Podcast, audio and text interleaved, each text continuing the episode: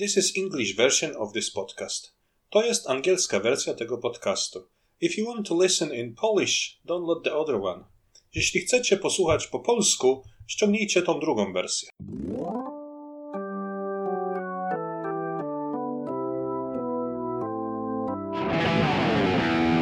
Hello, you're logging into the new chapter of Leftist Drivel.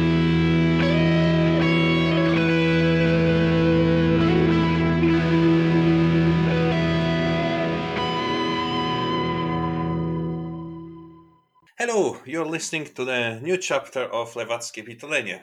And my guest today is using the name MizLiot, and uh, I found her on Twitter when she is uh, demonstrating extreme patience uh, explaining the matters of the Scots language to ignorant people. Hello. Hi, I like ignorant people.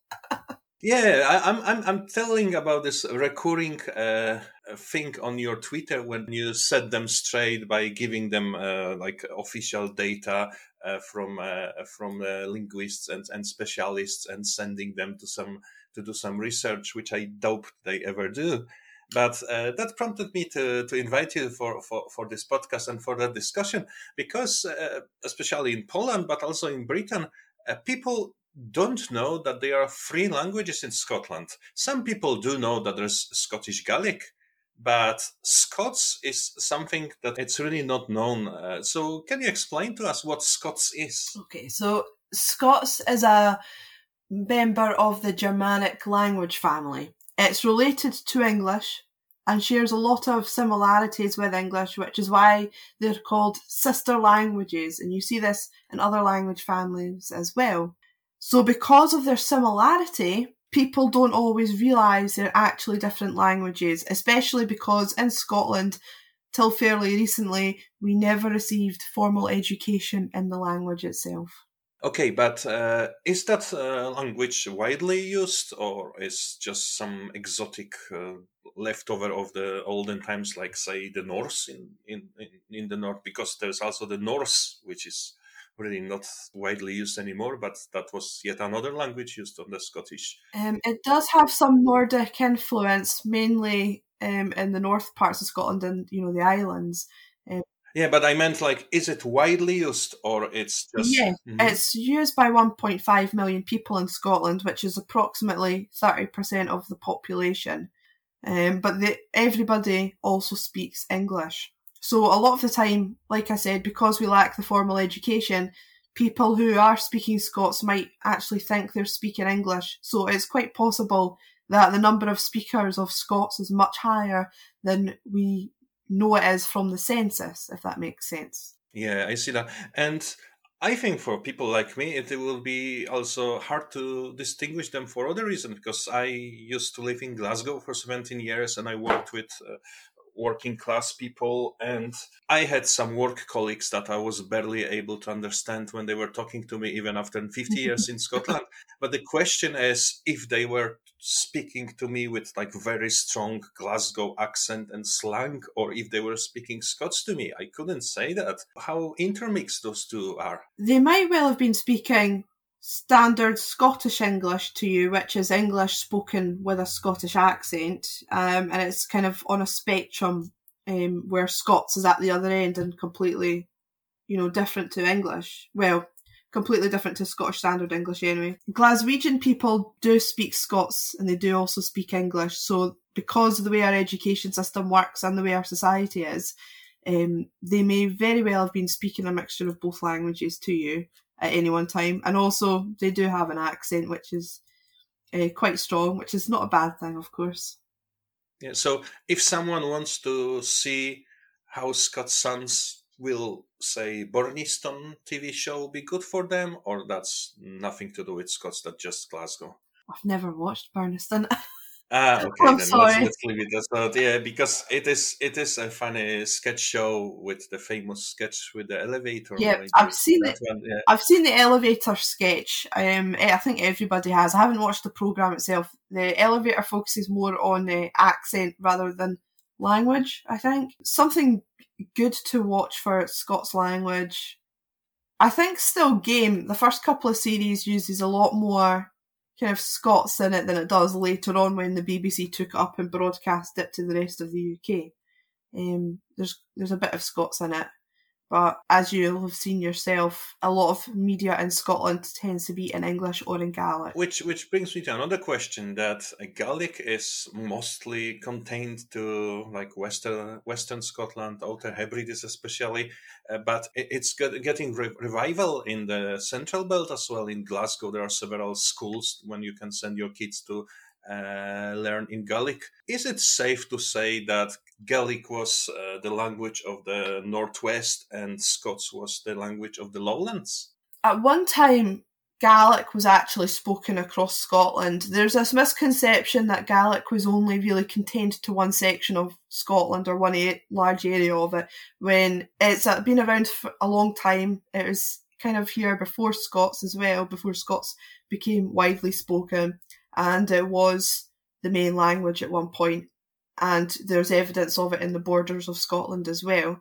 It has receded partly through the rise of Scots and then the rise of English and then active education policies to prevent Gaelic speakers from using it in schools. But there's also a resurgent group in Edinburgh as well called Bohan Dunajim, which is a Gaelic group that meets up every month so there are people in Edinburgh who who speak Gaelic as well. And you're right, in Glasgow, it's got quite a a lot of speakers.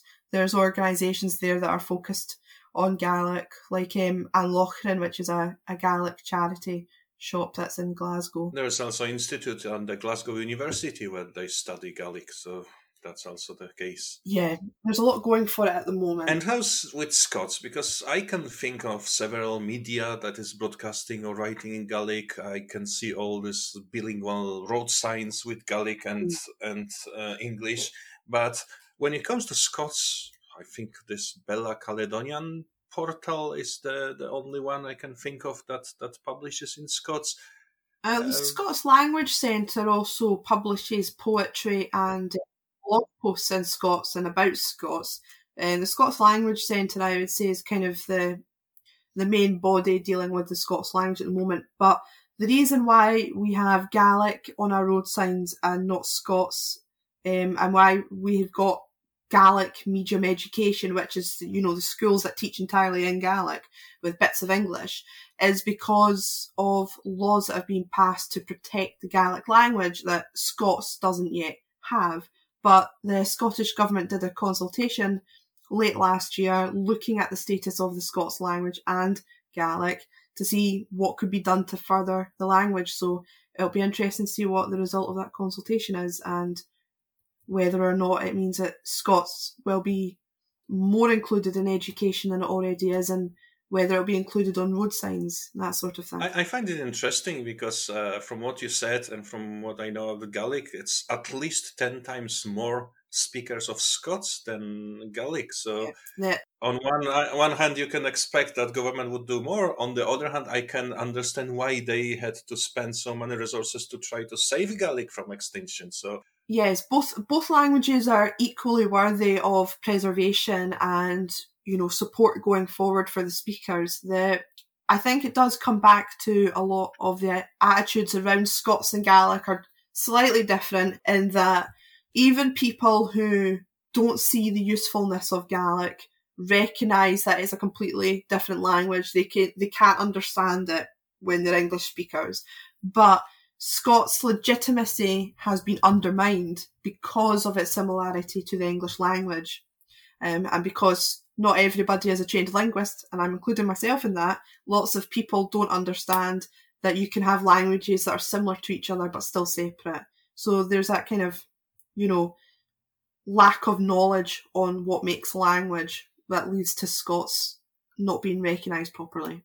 Yeah, I'm finding similarities here with uh, the Silesian language, which, if you don't know, this is uh, like like spanning across uh, mostly Poland and a bit into uh, Czech Republic as well.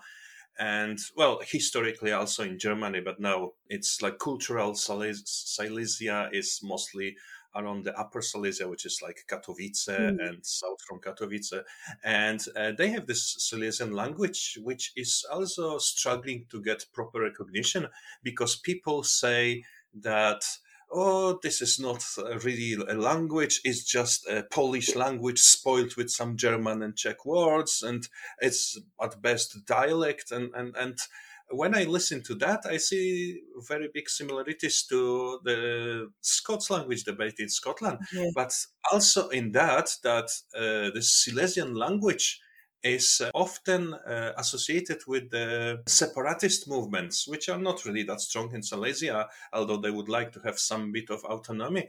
Uh, of course, that's the much, much, much bigger scale of debate in, in Scotland. But this is another uh, another uh, similarity. I'm finding that uh, the issue of the Scots language is uh, strongly politicized.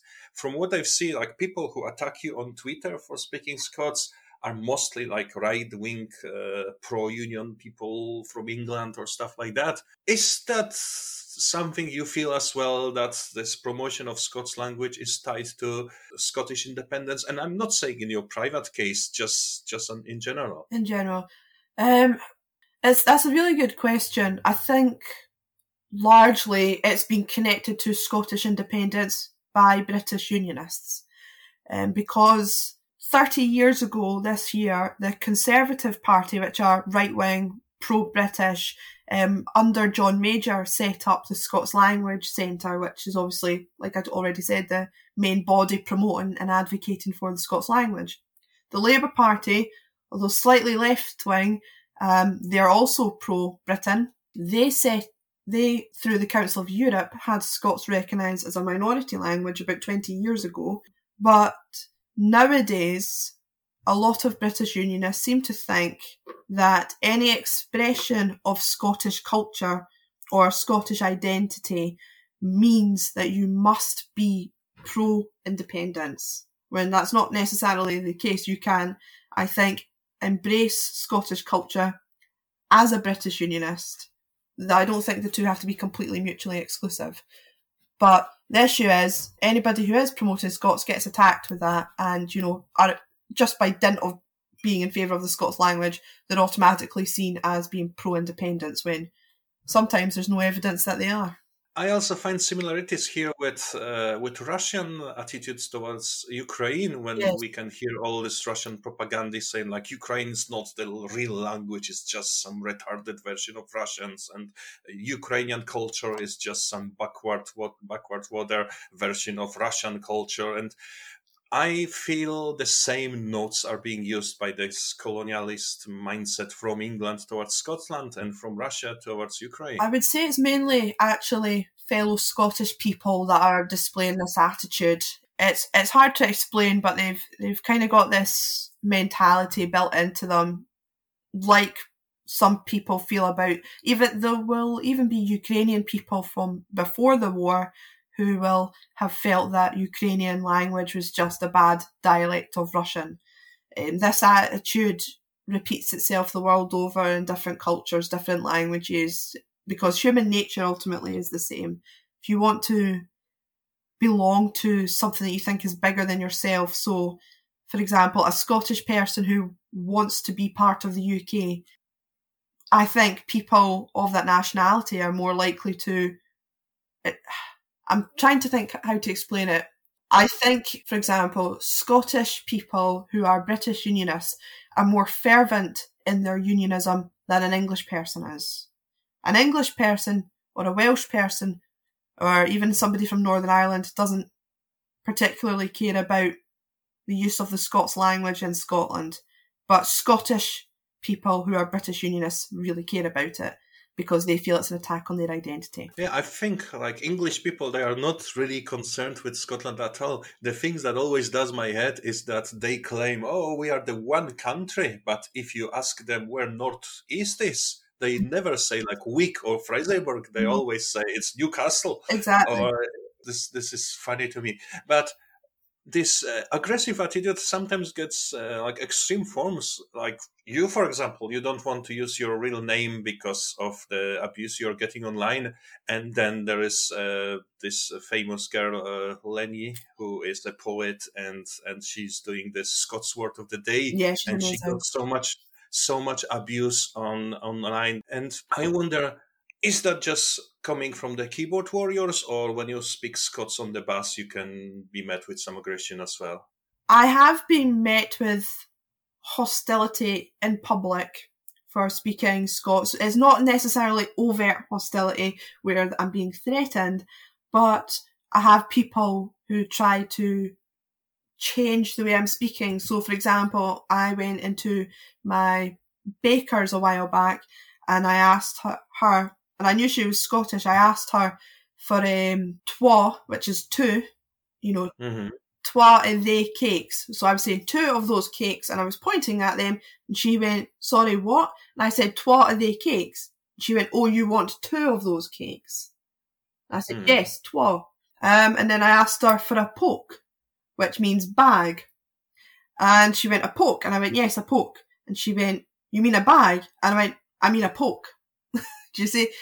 This sort of thing happens a lot where people feel the need to, and I'm air quoting here, correct Scots speakers out of their Scots and into English, which, whilst not being overtly hostile to the language, is kind of passive aggressive because it's giving you the message that the way you're speaking is wrong when it's perfectly correct to speak like that in Scots. This is something that repeats all the way back to childhood. From when we're children, adults around us are trying to stop us from using Scots. Yeah, although, like, to play devil's advocate here, mm. I asked that several times to this uh, colleague of mine who spoke this uh, probably Scots language to me because, you know, as this is not the language I'm so familiar with, I had to make sure that I do understand him. So maybe it's not always coming from the hostility you know, I, I, I always recall when I had this stunt during my studies when I was riding buses and uh, doing some statistics on passengers. I've been spending all days riding the bus up and down. And I've noticed that many Scottish people, when they enter the bus and they ask the driver something, they cannot understand each other because of different accents and as we know now probably be, before because of the different languages as well. So maybe in some cases it's just genuine attempts to understand if, if they understood you well. You're right. There are going to be people who don't understand scots in scotland um, even amongst other scottish people but i do live in an area that is quite strongly scots speaking can you tell us roughly, at least, where it is? Uh, Fife. Fife, Fife, is, uh-huh. Fife has got quite a lot of Scots speakers because I hear them every day when I'm out and about. I hear people talking in Scots all the time, but they would probably tell you that they're speaking English. because they, they may just don't know that, yeah. the words are coming. Yeah. But the the point was that I've heard this the because I go into the bakers quite frequently. I've heard this girl speak before, so I know she actually can understand a Scots speaker. So otherwise, I wouldn't have used her as an example. Yeah, I, I see that. I, I, was just thinking in general, not not, no, not, no, not according to her, that it may be. But other thing that comes to mind, it is uh, said sometimes that Scots is the language of uneducated people, like lower working classes and so on, which again is very often uh, this colonialist attitude when like the, the elites of the country are supposed to speak the proper language and just the pleb speaks this uh, retarded version of, of whatever language they consider to be the true language. Is that the case in Scotland as well? Is Scots the working class language, or it's just because of the lack of education in this uh, uh language in general that it remains in, in certain groups of the community? I think by and large it is spoken mainly by working class people from my experience. Um, I've met people in the middle classes. They use, they tend to use a, a smattering of Scots occasionally. Like, they use words that are Scots without realising it. For example, outwith, which doesn't exist in the English language. Um, it's, you know, um, it's hard to explain Uh, the upper classes don't really use Scots at all, although apparently the late Queen was able to speak Doric, which is a dialect of the Scots. Yeah, I've heard that. So this really drives mad some of those uh, anti-Scots people when they hear that Queen was was speaking and valuing that language. Yeah, I think a lot of it again comes down to the Scots language has is an oral language in terms of it. Most people learn it from being spoken to in it, so it's really passed down through word of mouth rather than English, which whilst we do learn through word of mouth, is we also learn it at school, whereas Scots hasn't really been taught at school. So I think largely working class people would have been speaking Scots more often to their children than middle or upper classes, and that's also because of this attitude of you'll never get anywhere in your life if you speak Scots. Yeah, I guess so. But you touched something I wanted to come back later. But uh, as we already at this topic, let's let's go this route. Written Scots, because as you said, there's like no formal education of it, and I guess there are no standards. I tried to learn Gaelic when I lived in Scotland. I hadn't had much of success because the pronunciation of the of the when you try to read is just the most crazy language I I ever tried, and I'm learning Finnish now, so that's well, something. Good luck. Good luck. And uh, the, the the lady who was uh, teaching us uh, Gaelic, she said that with uh, this revival of Gaelic, they had to do some standardization because before that, like every island had a slightly different dialect. Yeah. And with like emergence of BBC Alba and uh, BBC Gael radio station, they had to settle down on some common version for everyone which like brings everyone together but also is responsible for these local variations to disappear because everyone suddenly starts speaking let's just say the queen's gaelic. And when it comes to scots it also seems to me that there are no written rules so when you look at Twitter, when someone is trying to write in Scots, sometimes really it seems to me like an ignorant person that it's someone is trying to like write some English words phonetically or or something like that. Are there any standards of, of, of, spelling in, in in written Scots or, or or or it's still something that needs to be done? Scots hasn't got standardized spelling yet. It does have accepted spellings. So when you're reading through the dictionary of the Scots language, it'll give you a word and it will then also give you the multiple spellings that are generally accepted. And the reason why they have this is because Scots, as it is spoken in different areas of Scotland, can be so different that um, the way a, a, word sounds to me, um, or the way I use a word, is different to somebody who is speaking Doric.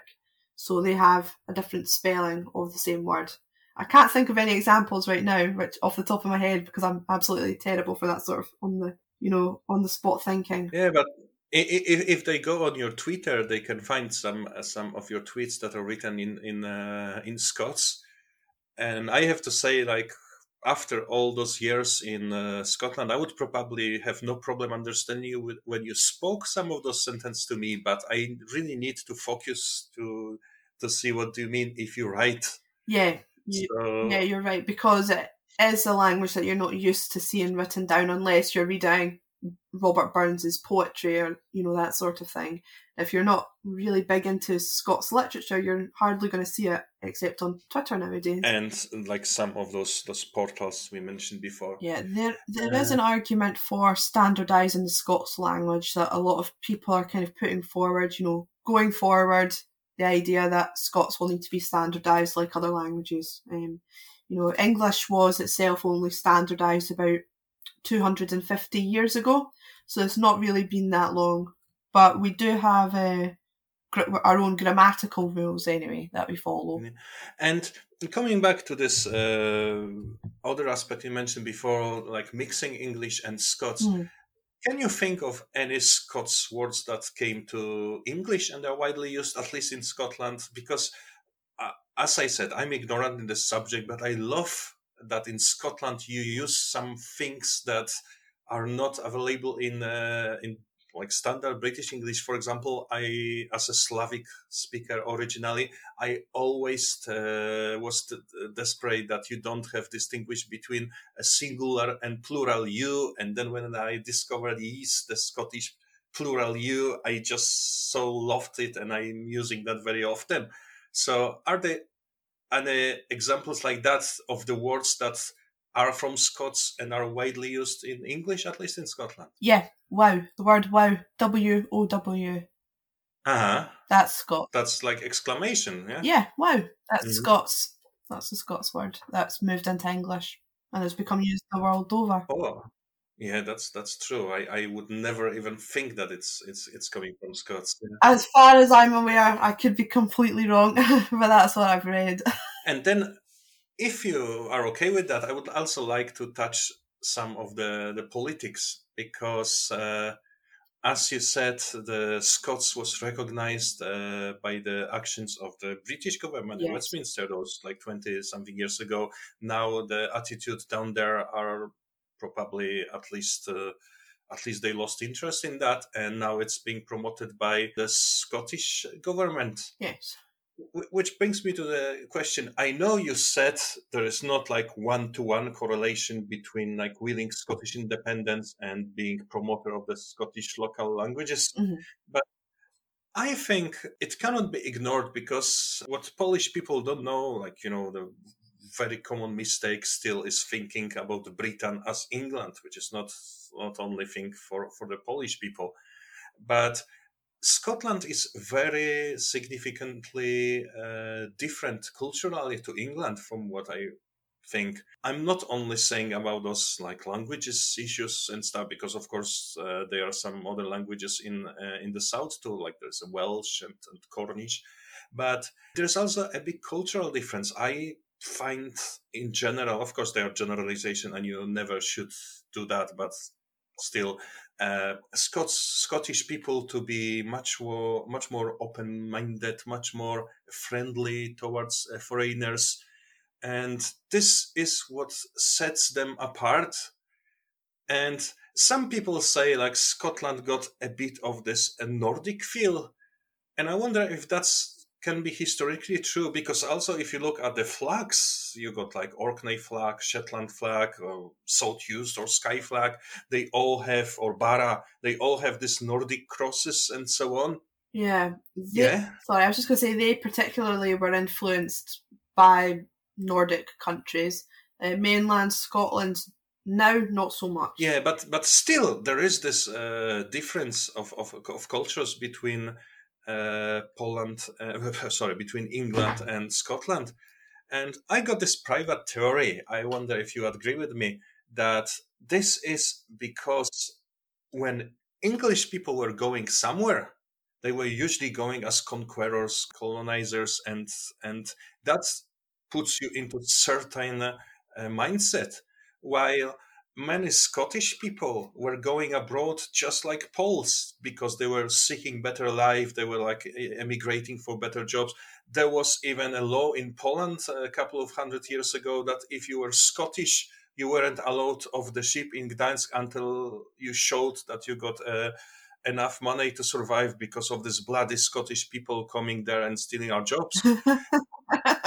I no, no, I'm I'm perfectly serious. No, this no, is no, a historic fact. I've just and there was, heard it. That's amazing. Yeah, there was a big uh, migrations of Scots to Poland in the like 1600s, I think, and even a mayor of Warsaw was a Scottish guy for some period of time, and the king had uh, like a Scottish regiment of Scottish mercenaries, and because they proved them worthy in the battle, then he gave them lands to settle.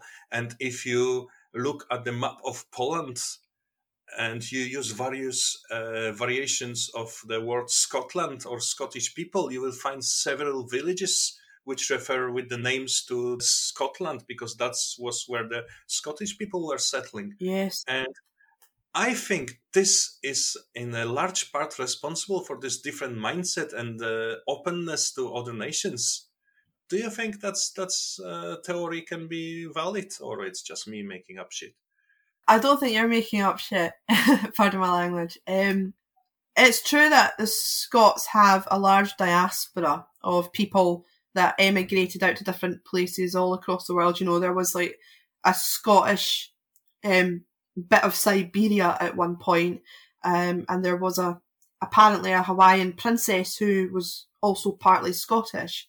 What I would say though is in regards to the this the subject of the English being colonizers and the Scots not being colonizers, this isn't strictly true.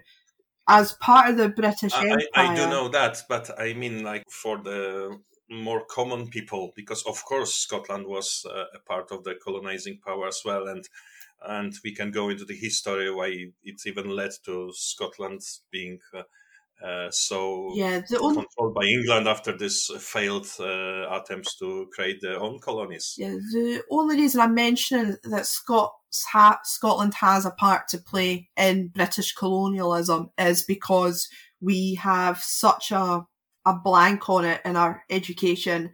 Um, a lot of people kind of cringe away from the idea that we actively participated in colonisation. And I feel it's important to acknowledge that we did. Like, for example, you know, Jamaica, there's people with Scottish surnames. You, know, Mhm. you know, and it's it's interesting that those you know that they're descended from slavers or people who worked on plantations. Robert Burns himself was planning to go out to Jamaica to work on a plantation, but he wouldn't have been the slave owner. He would have been a kind of slave driver. But he didn't in the end. But you know, the reason the reason why I'm making it very clear that we were active in colonization is I don't want to shy away from our history. You know, um, and Scotland traditionally, up until about 40 years ago, was very conservative itself. I mean, we last voted the Conservative Party in 1955, or I want to say. But yes, Scotland isn't completely the left wing utopia that we would all like it to be. There are a lot of conservative elements, as you know, we've seen kind of recently with gender reform, um, the people reacting to that.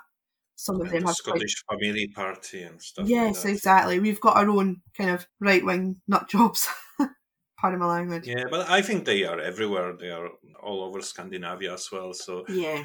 so it's it's nothing unusual. No, but generally speaking, you're right in that we are very welcoming to people who aren't originally from Scotland and who move to Scotland and become new Scots if they want to consider themselves that. But I also think it's important to acknowledge that there are people who are less friendly, and it's the same for England. There's people in England who are amazing with people who don't come from England, but there are always going to be people who aren't, unfortunately. That's true. But I think it also goes back in the history. You, you mentioned Robert Burns, and I remember being surprised finding that in one of his poems he was talking about Poland suffering under Russian occupation and so on. Mm. And uh, it's not often you see in Britain like uh, the national poets and and uh, and writers being focused on some, you know, Eastern European countries' fate. So I was really surprised to find that at, at, at Robert Burns' poetry. I think um, there was a lot of kind of sense of kinship, particularly towards Polish people back then, and also, you know, uh, Bonnie Prince Charlie, Charles Edward Stuart, he married a, a Polish princess, Marie Sobieska. That's true, yeah. Mm. So the, I think there, we don't realise that people, like, you know, different countries from different ends of Europe back then were really still communicating with each other. We kind of have this east west idea in our heads, and that they were always completely separate and, you know, not communicating with each other, but that's not true either. Yeah, I wonder if that could be also because as as there was this big wave of migration from Scotland to Poland until the partitions at least, so maybe there was still a strong Scottish community in Poland, and that's how the co- connections remained. Yeah. Uh, speaking of that, I also found uh, fascinating that uh, if you look at these historical sources for the Scottish uh, community in Poland, they they got this uh, kind of like uh, Scottish association in Poland. And what fascinates me is that it was something completely different to this like expat attitude you get from all the British people who moved to Poland now, because they were careful enough to keep all their documents and bookings, even related to purely Scottish matters. Oh. They are written in Polish. and that's what I find fascinating. So it sounds like they really acclimatized, and that's good. Yeah, as I said, uh, there was this guy Alexander Chalmer, but I think he was Chalmers or, or something, and his, his, surname was Polonized, and he was uh, mayor of Warsaw at least twice, and he's really renowned for for his uh, good politics, and I think he was also uh, dealing well with some plague. So the, the Polish uh, history owes a lot to, to, to Scottish people. Okay, but uh, coming back to Robert Burns. Oh no! I'm not going to, to beat into literature. I wanted just to ask you one thing because 25th of January is coming. Yes. What's the deal with Burns Night? It's to celebrate his birthday. But is it really for normal, normal in inventor commas people? Like, do you celebrate uh, Robert Burns' birthday un- unless it's some like or, or thing organized by the university? Like, do ordinary Scottish people sit and read the Ode to Haggis? Yes, yes. So, certainly in my case, I always ensure that I have haggis on uh, on Burns night. I mean, I eat haggis anyway because it's absolutely delicious for anybody who hasn't tried it. Of course, the vegetarian one is quite nice, but it's not the same.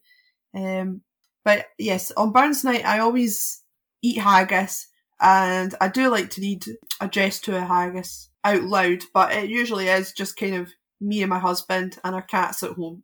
I've been wondering because, like, he's not the only one of famous Scottish writers. No, he's not. Why him?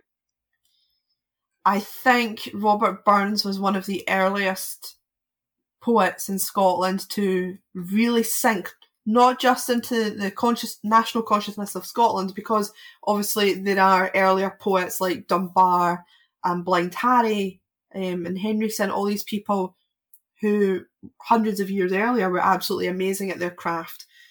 But I think it's because he also became super popular in England and in the years following his death, um, because he died quite he was he was quite young really, even by the standards of the time when he died um, he became worldwide famous.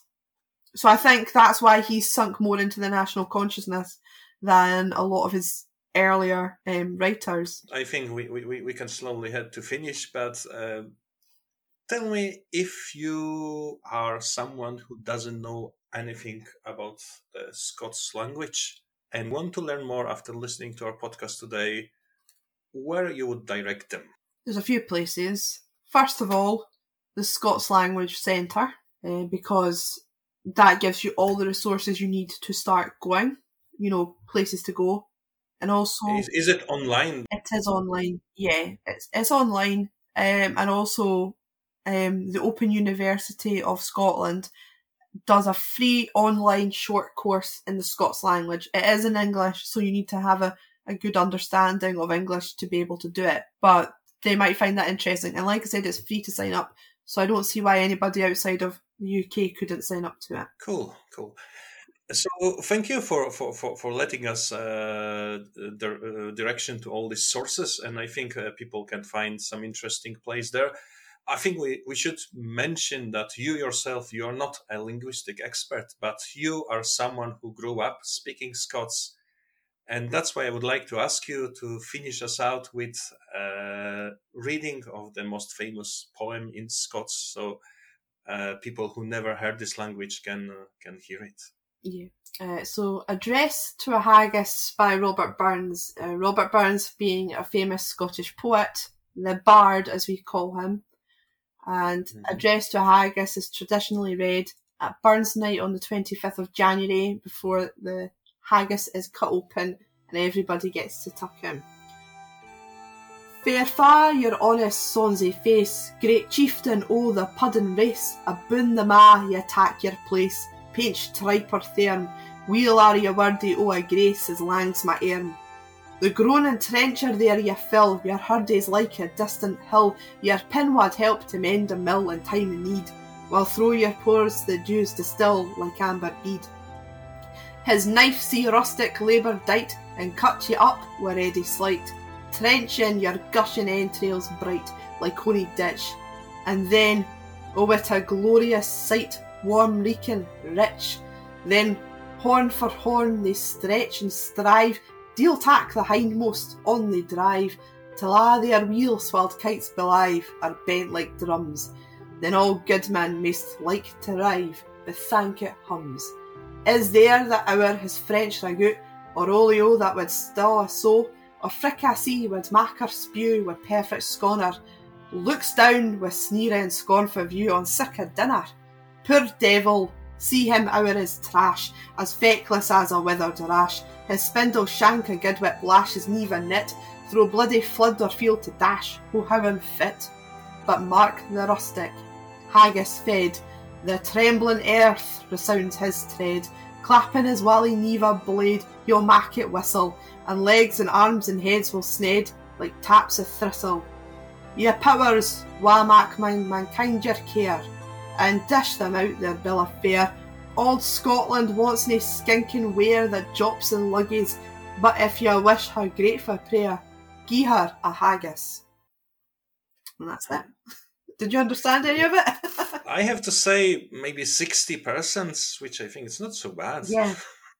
It's essentially a poem that, you know, praises the haggis, how filling it is as a meal, and how poor people everywhere should be eating it um, for their re- for their health, essentially. And um, it kind of points at rich people eating fancy food that's not good for them, kind of laughing at them as well. Yeah, which is actually another funny thing, which is completely on the different angle to what we talk about.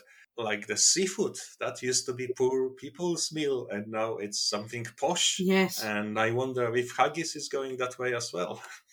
Yeah, maybe one day. Um, I think a lot of people need to get um, over what the haggis is first before they before they try it. A lot for a lot of people. A lot of people don't know what what haggis is comprised of, and I'm not going to say. but uh, it is a really filling dish. I, I do like it, and uh, f- for the Polish people listening, uh, we have something similar, uh, which is called kaszanka, and it is not exactly the same thing, uh, but kaszanka is is maybe kaszanka is more like black pudding because it has blood in it and everything, but it is let's say the same family of of, of meals. So don't be afraid because as i said haggis is good maybe not the one you buy in the cans in the supermarket but if you go to scotland definitely try it because it is And make really and good. make sure to have a beef burger with haggis as a topping as well if you can whilst you're in Scotland. oh yeah but uh, there is even haggis pizza i've seen that Yes, oh god, deep fried haggis pizza. Yeah.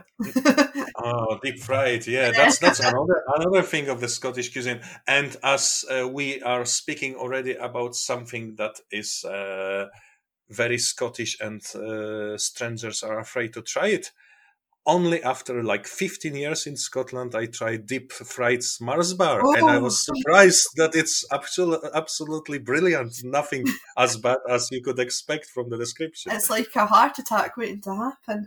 Yeah, yeah. I, I eat only half of that together with someone else, and it's enough. But yeah. Yeah, you couldn't eat a whole one. Mhm. Okay, so we touched on the linguistics, uh, we touched on the cuisine, we touched on the politics, and as as we are on the poetry, I was just thinking about uh, asking you one more favor because I got a, a poem that I translated into Polish, so we can do that. You read it in original, and then I read it in Polish.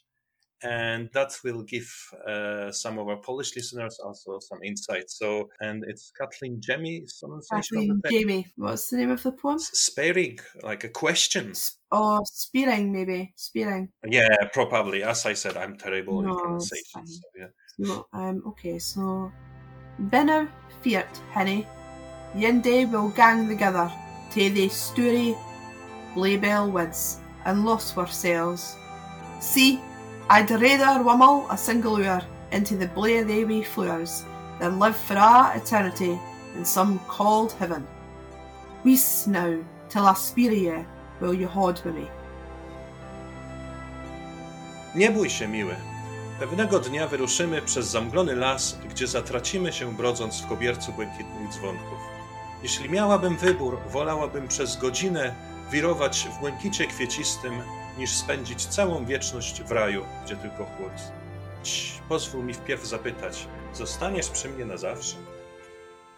So I think that's the first one for a podcast to read poetry live on it. but at least we are trying something new.